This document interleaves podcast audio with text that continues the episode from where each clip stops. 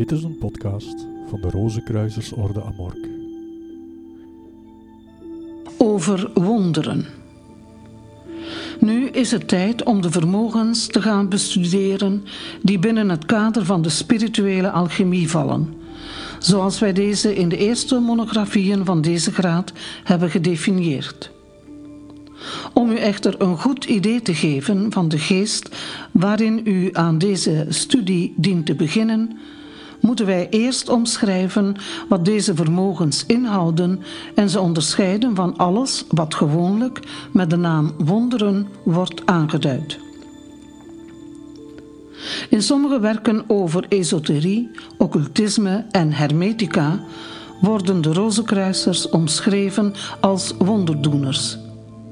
In feite is een dergelijke omschrijving niet geschikt om de aard van hun werk aan te duiden, want het woord wonder wordt in het algemeen gebruikt met betrekking tot een manifestatie of een verschijnsel dat als bovennatuurlijk wordt beschouwd. De vermogens die wij in onze orde bestuderen berusten op de toepassing van natuurwetten en op inzicht in de effecten die door deze wetten teweeg worden gebracht. Met andere woorden, ze vormen een bijzonder aspect van de kennis die de ingewijden uit het verleden aan ons hebben doorgegeven. Daarom kunnen ze niet wonderbaarlijk worden genoemd in de gebruikelijke betekenis van dat woord. Zeker, ze zijn ongewoon en transcendent van aard, met name voor niet-ingewijden. Ze hebben echter totaal niets te maken met wonderdoenerij en ze moeten niet tot mythe worden gemaakt. Het is dan ook niet wenselijk mensen te laten denken dat wij magische, theurgische of occulte krachten bezitten. Want uit een dergelijke houding blijkt een gebrek aan nederigheid en het geeft een verkeerd idee van de doelen die de Rozenkruisersfilosofie nastreeft. De oorsprong van wonderen. Zoals wij hiervoor al hebben aangegeven, worden wonderen dikwijls aan bovennatuurlijke oorzaken toegeschreven. We kunnen ons dus afvragen of dergelijke oorzaken wel of niet bestaan. Vanuit Rozenkruisers standpunt maken alle verschijnselen die eigen zijn aan de aardse wereld, of ze nu betrekking hebben op de mens zelf of op zijn omgeving, een wezenlijk deel uit van de natuur. Ze zijn dus noodzakelijkerwijs het gevolg van natuurwetten, zelfs als de oorzaak ervan in het bovennatuurlijke lijkt te liggen. Als wij hierover anders denken, erkennen wij het bestaan van krachten die God zelf te boven gaan. Dit zou impliceren dat hij incompleet is of dat hij onderworpen is aan een dualiteit waarvan de bron buiten hemzelf gelegen is. Wij menen dat een dergelijke opvatting van het goddelijke onjuist is en strijdig met wat wij u over dit onderwerp hebben geleerd. Want het goddelijke is alles en omvat alles. Er kunnen geen manifestaties bestaan onafhankelijk van zijn wetten of buiten zijn schepping. In het algemeen heeft het begrip wonder een religieuze bijbetekenis, want het doet een beroep op het geloof.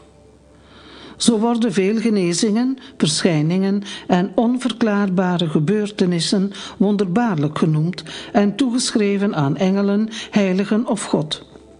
God wordt dan beschouwd als een antropomorf wezen dat rechtstreeks in het menselijk lot ingrijpt, zoals een vader die over zijn kinderen waakt.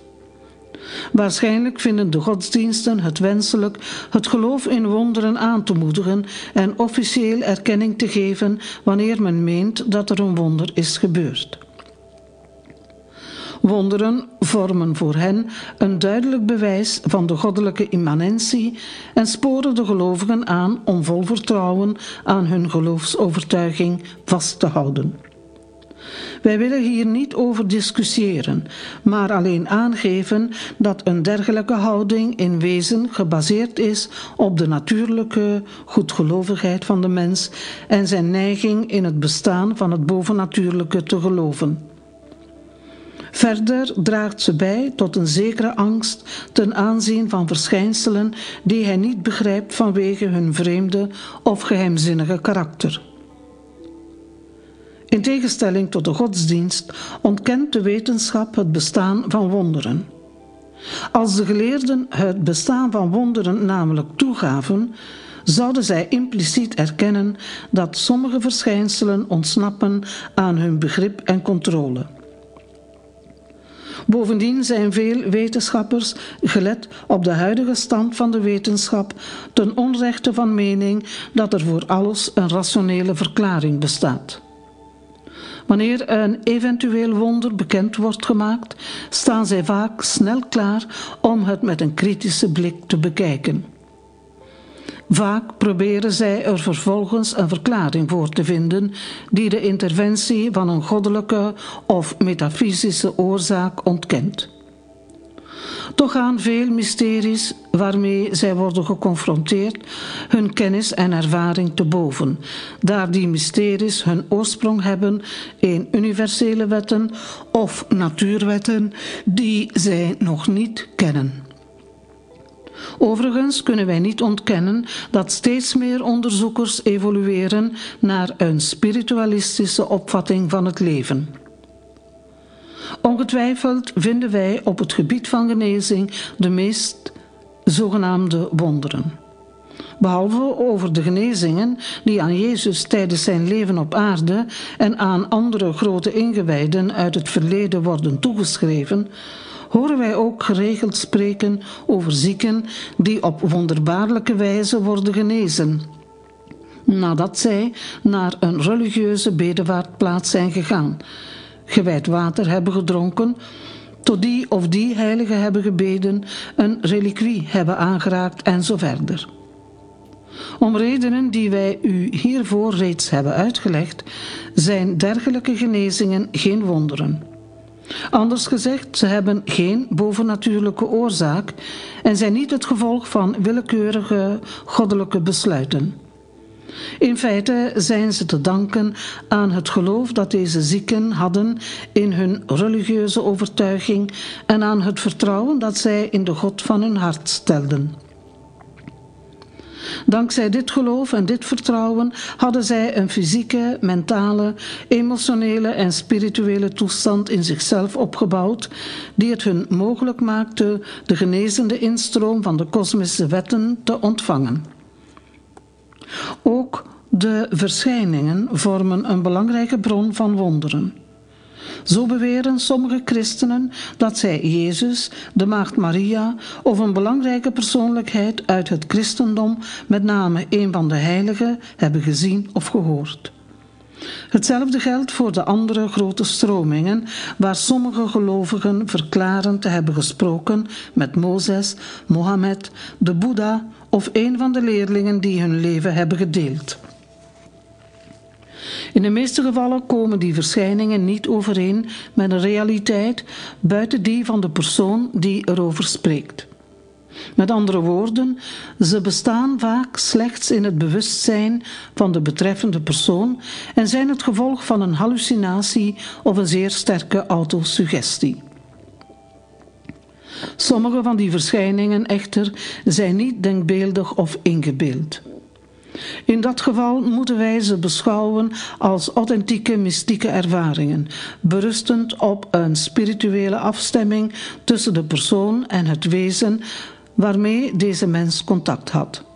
Bovendien spreekt het vanzelf dat een dergelijk contact, hoe kortstondig ook, alleen maar op een betrekkelijk hoog bewustzijnsniveau kan plaatsvinden.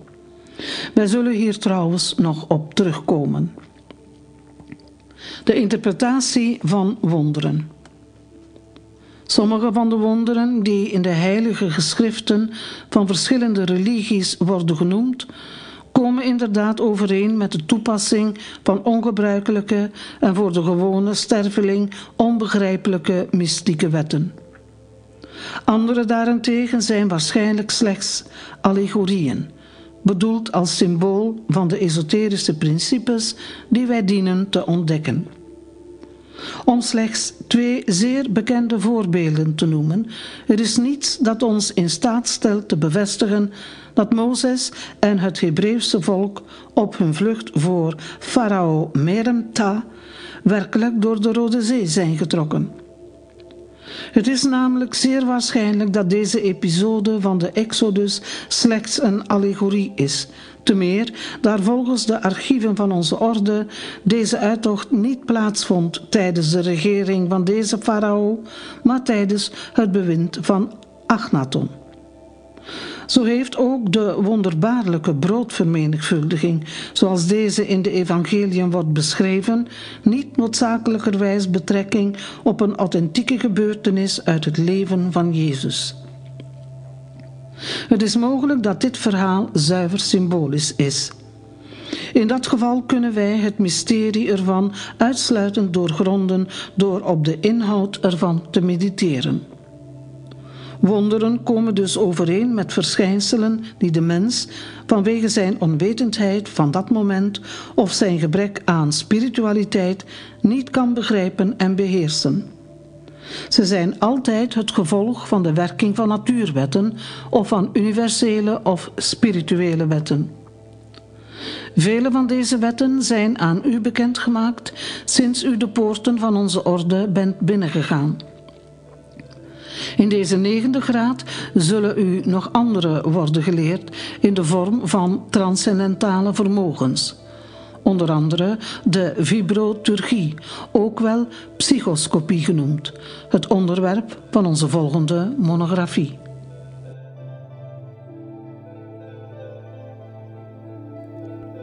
Dit was een podcast van de Rozenkruisersorde Amork.